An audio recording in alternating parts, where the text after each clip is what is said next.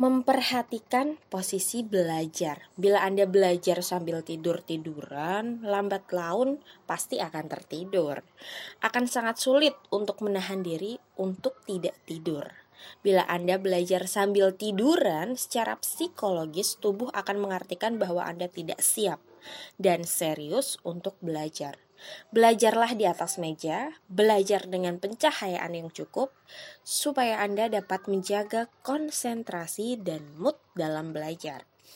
Ambil tindakan kecil untuk mengubah kebiasaan malas belajar. Cara untuk mengatasi rasa malas adalah dengan melakukan langkah kecil. Bila Anda melakukan tindakan, meskipun itu tindakan yang sangat kecil.